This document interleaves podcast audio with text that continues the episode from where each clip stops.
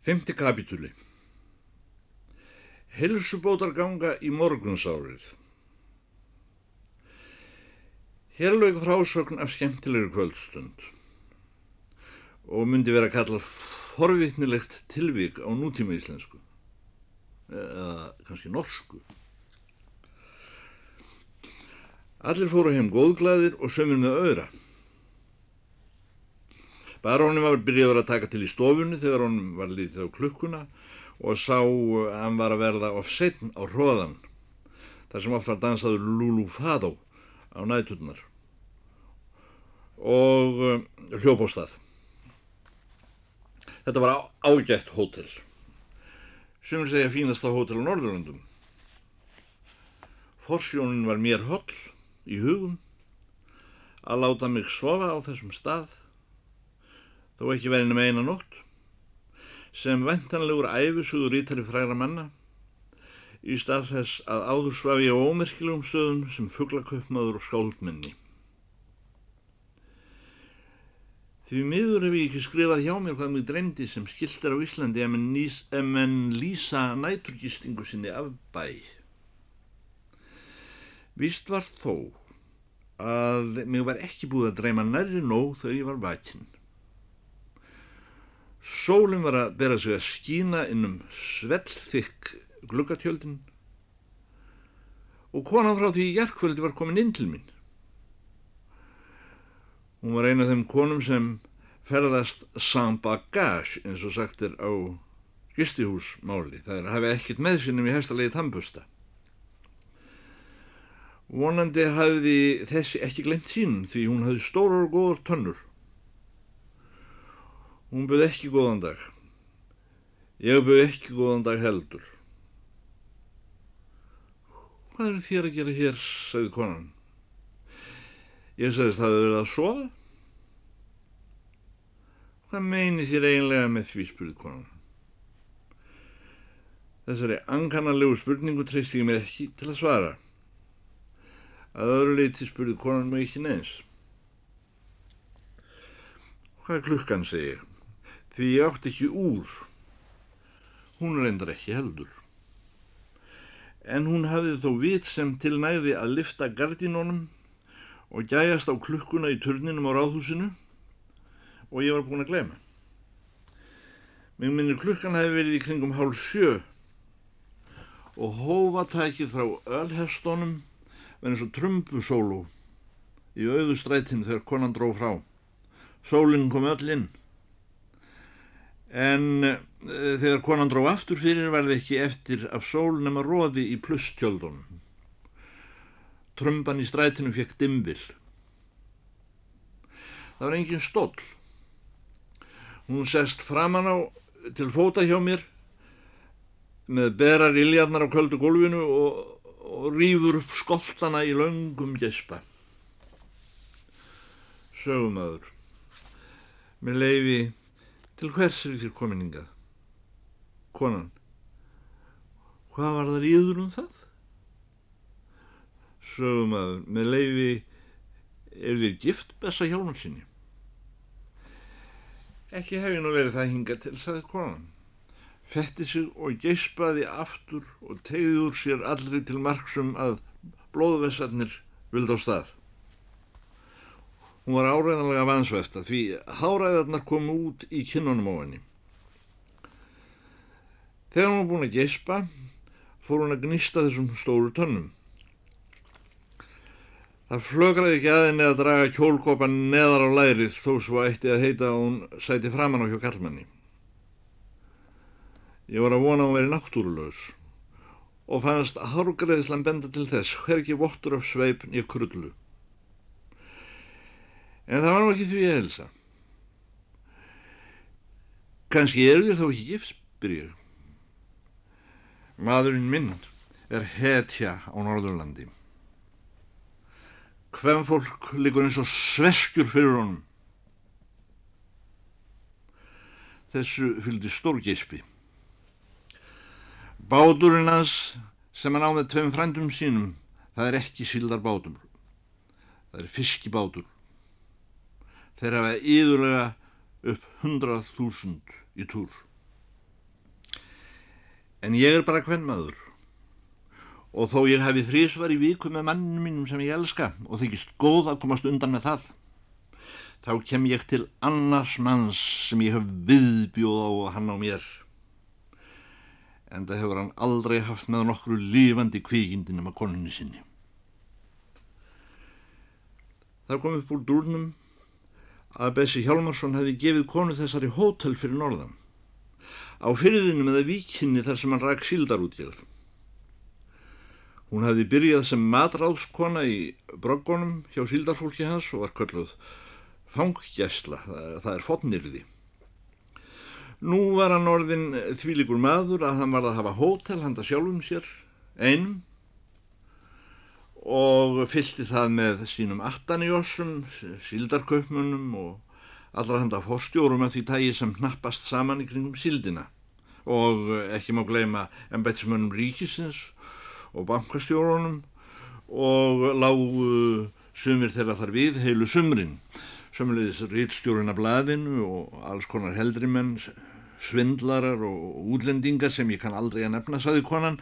Allir verða að fá steik og smiglar að brenni vín og ég eins og hverjan er óvöndu hvern manns tudra hef ekki einu sinni lært að sjóða Ísu skamlaust og orðin hótelstjóru í Guldborg það er skrítið að halda þessi nóg að segja við með að vesku, hérna skal ég gefa þér hótel, rektuð á heimsmæli hverða verður sæl, ég er farin. Spurning, hvað ætlir að taka til bræðs? Svar, ég himta vonum að hann láti mig ganga á háskólan í Sórei. Sórei? Er þið nú líka konið með háskóla þar? Það getur vel verið að sé bara grautarháskóli það er konan, mér er sama þeir með að kalla það hvað þeir vilja, nema hér stend ég uppi, stöður blöng hjá þessum anskotans manni Bessa Hjálmar sinni, hef ekki fengið einu sinni að geta síðan ég fór af Íslandi og hann byrjaður að hrjóta um leiðu ég kem og búin að koma sér undan þegar ég vakna. Konuskeppnan hafi komið um Björgvinn og var í þá dag að farið á rúum tveim sólarringur á Íslandi og það er lestinni til Hafnar. Ég bauði henni hátilega til morgunverðar. Hún fór inn til sín og klætti sig upp á og kom aftur með hettuna sem ávantaði aðeins gullbryttingu svo hún væri eins og bísantínskri madonnu. Við vorum svo heppin að komast út fyrir sjö. Áður en dagvörðurinn hefði leist næturvörðin af holmi í liklastúkunni. Næturvörðir á hótelum eru hins vegar í engalífi sínu vanir að vera doktorar í heimsbyggi og, og alltaf því ofvitar og eru að hugsa um kvantumteóriuna þegar farangurslöst slengi er að sæta lægi að stelast út úr fínu hóteli fyrir fótaferðardíma. Þeir gefi ekki um hvernig það hafi komist inn. Því síður að þeir gerir ástafinn til að láta lögregluna hýrða það og fara með það í tukthúsið þangað sem slíkt fólk er annars sjálf kjörið eftir hótellögunum. Úti voru fölur menn að fara í ótillakkanlega vinnu, rauðegðir, með rimmu, ræsktu sig og hræktu á strætið. Sporvagnarnir tóku beigjurnar með sargandi hljóði í árnamóti í árni og heyrðist um alla borgina á þessum tíma sólarhings meðan enn voru engin verri óljóð byrjuð. Fögs og hófskegg sótóttra ölhesta, hrundu með blæ af gulli og silki sem er brokkuðu í morgunskinninu. Við eh, knúðum dýra á frægum gildaskálum, svo sem industrí, vibli, bótega og reglífinni en á öllum þessum stöðum skriðu morgun þvottakonur á fjórum fótum með mandýri og þröskulda með skrupur sínar og brostu þegjandi við óskum okkar. Eðimerkur staðurinn, þar sem saga þessi hófst, hann einn var opinn. Borðin voru komin út á stjettina, sittundur hvorum glukka. Hafðu kannski staðið þar í allanótt. Ég hafði í gærmorgun haldið að forliðin á þessu kaffi í hjarta borgarinnar væri kannski leiktjöld og ekkert að baki og fyrirtækið ekki annað en þessi tvö borð með hvítan dúk í miðju sandróki eðmerkurinnar. En nú má heyra rifrildi einhverstaðar baka til, ímins með undarlega diður um karlararóm eða hellum píkuljóðum við undirleika strengjaljóðfæri og myndi á hið fræga atriði úr neðanjarðarsteinþrónni í söngleiknum Ædu. Loksins ofinberðist uppfærtarinn í hvítajakkanum sínum, nýðvegnum eins og í gerðmorgunum. Honum viltist nokkurt veginn samakort við vorum eða vorum ekki. Viðskipti vistust ekki skipta máli á þessum stað. Konan segði sér langaði rúbröð og egg. Ég spurði hvaða morgunmat þeir hefðu á bóstólum hérna. Einn bæir, sagði maðurinn. Ég mín nú bara því, sagði konan. Þegar ekki fengust skýringar að hálfu veitingahúsins, nefndi ég rúbröðu egg. Maðurinn hristi höfuð, stjárfur. Fæst á ekki kaff og með því, spyr ég. Það skal gá, sagði maðurinn. Hann kom eftir langa meðu með þygt rótarkaffi og mjölk sem var að vísu ekki beinlinni súr en nokkuð staðinn, byrjuð að fúlna. Ætlar mann fjandin ekki að gefa mann neitt með því, saði konan. Þó ótrúlegt megi virðast kom þessi hjartalösi páfi aftur með tvö vínirbröð volk og ángandi svo til úr ofninum og maður hlaut að undrast framþróun mannkinsins að nú skildi vera, bú, vera búið að finna upp alltaf kruðir í sultutau og marglita sigur kvóðu sem til þarf að hræra saman þessa fæðutegund. Þegar við náðum á mannin aftur og öllum að fá hjá hann meira vínbröð, þá svaraði hann stutt og laggott. Það er ekki til fleiri. Við sátum ennum stund hugsandi yfir hennu vonda kaffi. Þá segir konan upp frá einsmannsljóði. Hvers vegna vil maður endilega halda framhjá með einhverju bölfuðu kvíkindi þó maðurinn mann sé bæði glæsimenn og hetja? E, það er mjög einkennilegt, ég hef stundum verið hugsað um þetta líka, saði ég. Nei, nú dámar mér, saði konan, þykist þér hafa verið hugsað um það? Með leiði, hvað er það gammal? Ég er nú ekki mjög gammal, segi ég, en um, ég hef oft verið að hugsa um þetta mál. Ég haf mér verið að hugsa um að skrifa um það bók. Kanski á ég eftir að leysa úr þessu fyrir yður þegar tíma líða. Konan, kannski ég kaupi bókina, þó ég þekki yður ekki neitt. Þó er það ekki víst, en það sýnist mér þér séu ekki neitt sérstaklega gáfulegur. Þér fyrir ekki við. En þér getur allar verið vittlausar en ég. Hvað heitir bókinum leiði? Kemur hún til djúbvíkur? Bókin heitir Guðinir í hjúagerði og kemur áræðanlega til djúbvíkur, segi ég, og þar með bóka ég einn kaupanda. Lánið eftir mig á röndum. Guðinir í húsagerði endur tók konan, þó ekki korrétt. Stjálfingar þetta bjánalegt nafna bók. Á svona bók að ráða fram úr einhverju fyrir mig. Hvernig svarar því sem ég er að spurja? Ég er ungan og fallegan mann og samt. Af hverju? Af hverju? Af hverju?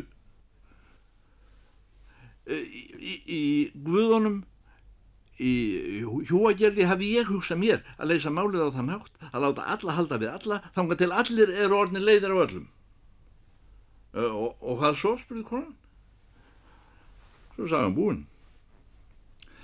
Nei, svona bók haup ég aldrei, sagði konan. Ég sá það strax áður að þér eruð ekki nefnir meðalagi gáðaður. En það gerir ekki til.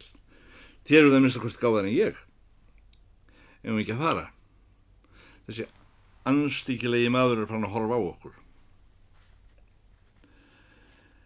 Það sem ég undraðis mest var hvað maðurum var ósnortin af þeim vargagangi með ljóðræðinum undirleik sem barst innan úr húsinu eða ef það var ekki hús þá neðan úr jörðinni.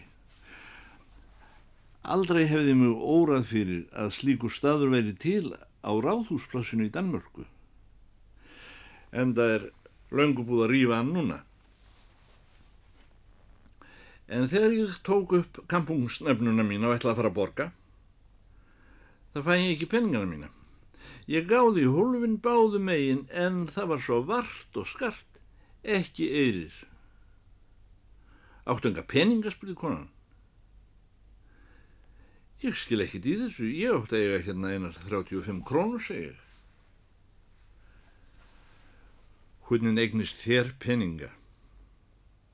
Mér áskotnust 35 krónur fyrir ritsmíðar. Eh, svo seldi ég konu uh, fuglabúr fyrir 5 krónur. Fuglabúr, sér hún, hjá konu.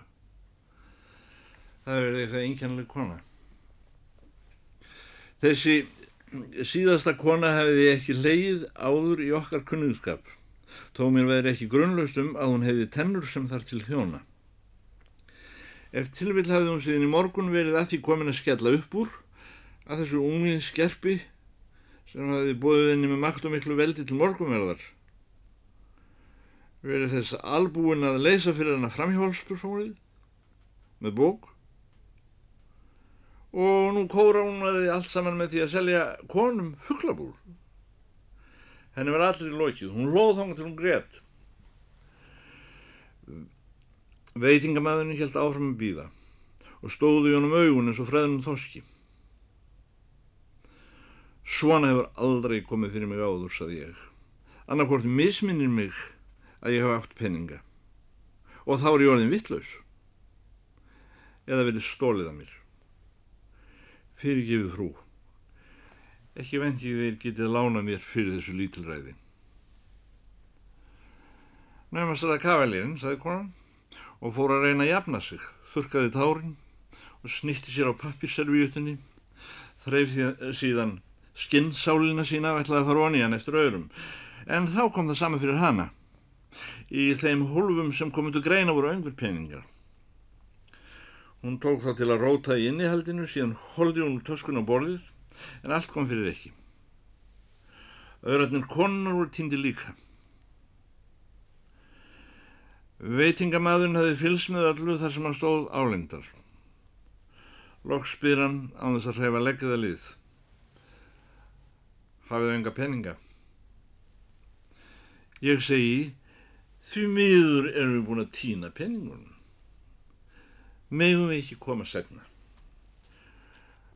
Hver er áritun, sagði maðurinn. Ég sagði að við byggjum á palas, en þessu trúði hann mátulega sem von var. Ég var að kalla á lögregluna, segir hann. Ekki var ég nú samt vissum að veitingamadur á svona stað þar sem píkurhljóðin og músíkin helt áframþangandi klukkan að ganga nýju á modnana myndi gera slag í tví að kalla á lögregluna. Þá fór konan upp undir sig og tók fram úr buksnaskálminni sinni útsæmaða byttu með silfurpenningum og borgaði mannin. Síðan letum byttun aftur úr sen stað. Hún sagði það að fengi þessa silfurpenninga hjá honum afa sín. Líklega hefur hún verið að þykjast þegar hún fann ekkert í sálinni sinni, skinnsálinni. Við áttum ekki annars úrkosti en farið í helsubótargöngum í morgunsárið og skoði búðarglukana og lesa fyrirsagnar miða blaðsalana. Danir voru ónæðin með að fá ekki nógu mikið af Suðurjólandi og vildu kenna konginum um það. Mér langaði að byggja konunum auðra fyrir blaði svo ég geti lesið húsnæðisauðlingsvíkjar en myndi þá eftir að kassinennar var gemdur á stað sem kom í vekk fyrir að hann geti verið mjög útauðsandi á almannafæri. Við vorum vist hálf svöng, ekki heldur nógu vel sofin, dálítið ósæl. Og það var ekki samband á mill okkar þó við gengjum saman. Hún var áræðanlega einum 7-8 árum eldri en ég. Samt efast ég um að e, komist hefði á betra samband þó við hefðum verið jafnaldrar. Satt að segja skildi ég ekki hvað ég var að flækjast hér með þessari kvensnift og, og hún hefur sjálfsagt hugsað uh, slikt til sama fyrir sína parta. Loksin segir hún. Eigum við að rölda hér til eilirðan nóns. Kanski verður bráðum lokið upp í tífóli, segi ég. Tífóli, það helvít skaul, segði konan. Er þér kunnuður hér í Kaupanöfn, spyr ég. Konan, auðvitað, hvað þetta er þér í hug? Ég var hér í listitur með mannum mínum. Augun öllu út úr þessum helvíti smellum þegar ég gekk hérna með honum. Hún þúaði mig einlagt þegar ég héraði hana og öfugt. Þegar við höfum gengið stóran ring okkur til aftreyingar í mellukvartýrinu sem nú var nýfærð að sofa, þá fór hópur af glæslegum ungum sjóliðsfóringum, enskum eða franskum, inn í tífóli. Svo það var þá búið að ljúka upp. Konan tók í skyndi fram reysukassa sinn á nýja leik á þess að hyggsta og borgaði ingangsegri fyrir okkur bæði. Ekta gráspörvar flugust á fyrir fótum okkar eða týstu ónur trjám sem uksu upp úr ámum en liðsfóringetni voru hornir. Okkur sótti svefn þar sem við sátum einmann og bekk. Hvað var það sjómanum, saði konan. Kanski hafa þeir verið starfsmenn með kaskeiti að fara til vinnu sinnar hér í gardinu, saði ég, eða eitt af um, músikböndum gardsins að, að fara að æfa sig undir kvöldkonsertin. Sér nú hvað líin, saði konan, heldur ég sé asni. Þegar ég held kona með þér um það byrj sopnuð við hlið mér í bekknum, veit ég ekki fyrir hún upphefst ennur einsmanns hljóði með sömur elluna. Hvers vegna vil maður halda fram hjá hvað sem það kostar? Af hverju finnst manni ekkert varði ég vera lukkulögur og eiga þennan vandlaða mann? Hvað er að? Hvað er lífið? Ég saði ekki neitt. Því hvað er lífið er ófrumlegasta spurning sem til í Danmörku og æfinlega svarað eins. Púst í sífuð. Maður hlýtur að minnst að kosti að vera langt að norðan til að spyrja svona spurningar í tífúli. Eftir nokkra þögn bætti konan við. Alla fáist einhverstaði hérna svolítið brauð og þó ekki verið nema reykt skinka. Með leifi, hvað heitir þér frú? Ég greip einhvern veginn ekki það sem sagt var um það mál í gerðkvöldi. Ætlaði að setja mig í blöðin, sagði konan. Skrifaðu bara fanggæsla af Íslandi. Fangst vokterske sem skilur ekki lífið og ætlar á háskólan í Sóri. Æ, mingja strákurinn, er ég vond viður. Ég hummaði og saðist nú bráðum að standa upp. Selja fleiri fugglabúr? Eða skrifa? Skrifu mig? Kanski segna. Ég þakki þér að minnst að kosti fyrir góða viðkynningu núna og vona við sjáumst aftur. Ég skuldi þér fyrir vínirbröði. Ég var staðin upp. Verið sælar. Verð sæl, sagði konan og rétti mér hendina. Það er vonandi ekki komið í hundur við mig. Erst eitthvað að flýta þér? Ég svarði játandi. Hvað leikur á, sagði konan. Ég, ég þarf að kaupa kanarjúfugla, sagði ég. Þú lígur því, sagði konan. Það tekur einhver tali hvað krakkar á þínu reiki geta verið helvíti leiðinleir. Á ég ekki heldur að kaupa þér bröðsneið með áskuldi fyrir silfurspenningana hans afa míns. Við settumst við grindverk í matsölu undir berum himni hjá tjörn í garlinum og sólinn skein á keisarasvanina tignaleg illfíkli og mannskeiðar. Er þetta ekki ekta áltur, saði konan, eða er þetta kannski, kannski bara sólinn sem ekki er ekta? Valdast hvað kallað er ekta? Tökum til dæmi síldatundnarans Íslandspressa, eru þær ekta? Þetta er helvítis svindlari, saði konan. Þó munaði ekki nema hálfu meiri að það læju fjórar miljónur sænskar á borðinu hjá hann í gær, sagði ég. En hann gaf ekki eftir. Og svínið, sagði konan. Það var honum líkt. Þegar við vorum komið vel á veg að geta upp silfursjóð afagamla, þann einan höfuðstól sem konan hefði upp á að hlaupa ef ég harðbakkan sló, þá fór ég nú að hugsa um uh, hvernig, uh, hverju ég ætti að ljúa næst. Ég bauðst um, til að fylgja henni á Pallas og sækja um leið öðrana mína sem ég hafði áræðanlega glemt í morgun, fara svo eftir töskunni minni á bröydarstöðuna og flytja síðan búföllum í herbyrgi mitt hjá gamlum hjónum í vannlösi og væri frúum velkominn þángað að heimsækja mig við henduleika. Þegar við komum á Pallas Hotel og ætlum að strönsa upp marmarastegan með rauða renningnum. Það var hallóað á ettir okkur. Það var likla vörðurinn. Hann stóð bak við diskin og horfði á okkur undrandi. Við horfðum tvínónandi á móti. Hann gaf okkur merkjum að tala við sig og spurði hverju við værum. Við sögum til nafsokkar og við værum gestir Bessa Hjálmarssonar grósýra. Kannast ekki við hann, sagði maðurinn. Grósir í Hjálmarsson frá Djúbvík, ídrekkaði konan. Likla vörður spurði mannin í hinni stúkunni, mótökustjóran hvort hér væri nokkur maður með þessu nefni. Mótökustjóran hlisti höfuð þegjandi. Hann býr í svítunni á fyrstu hæð, sagði ég. Báður embetsmenn flett upp í bókum sínum og fundu þess engin merki að sá maður sem við nefndum væri skráður í þessu hóteli.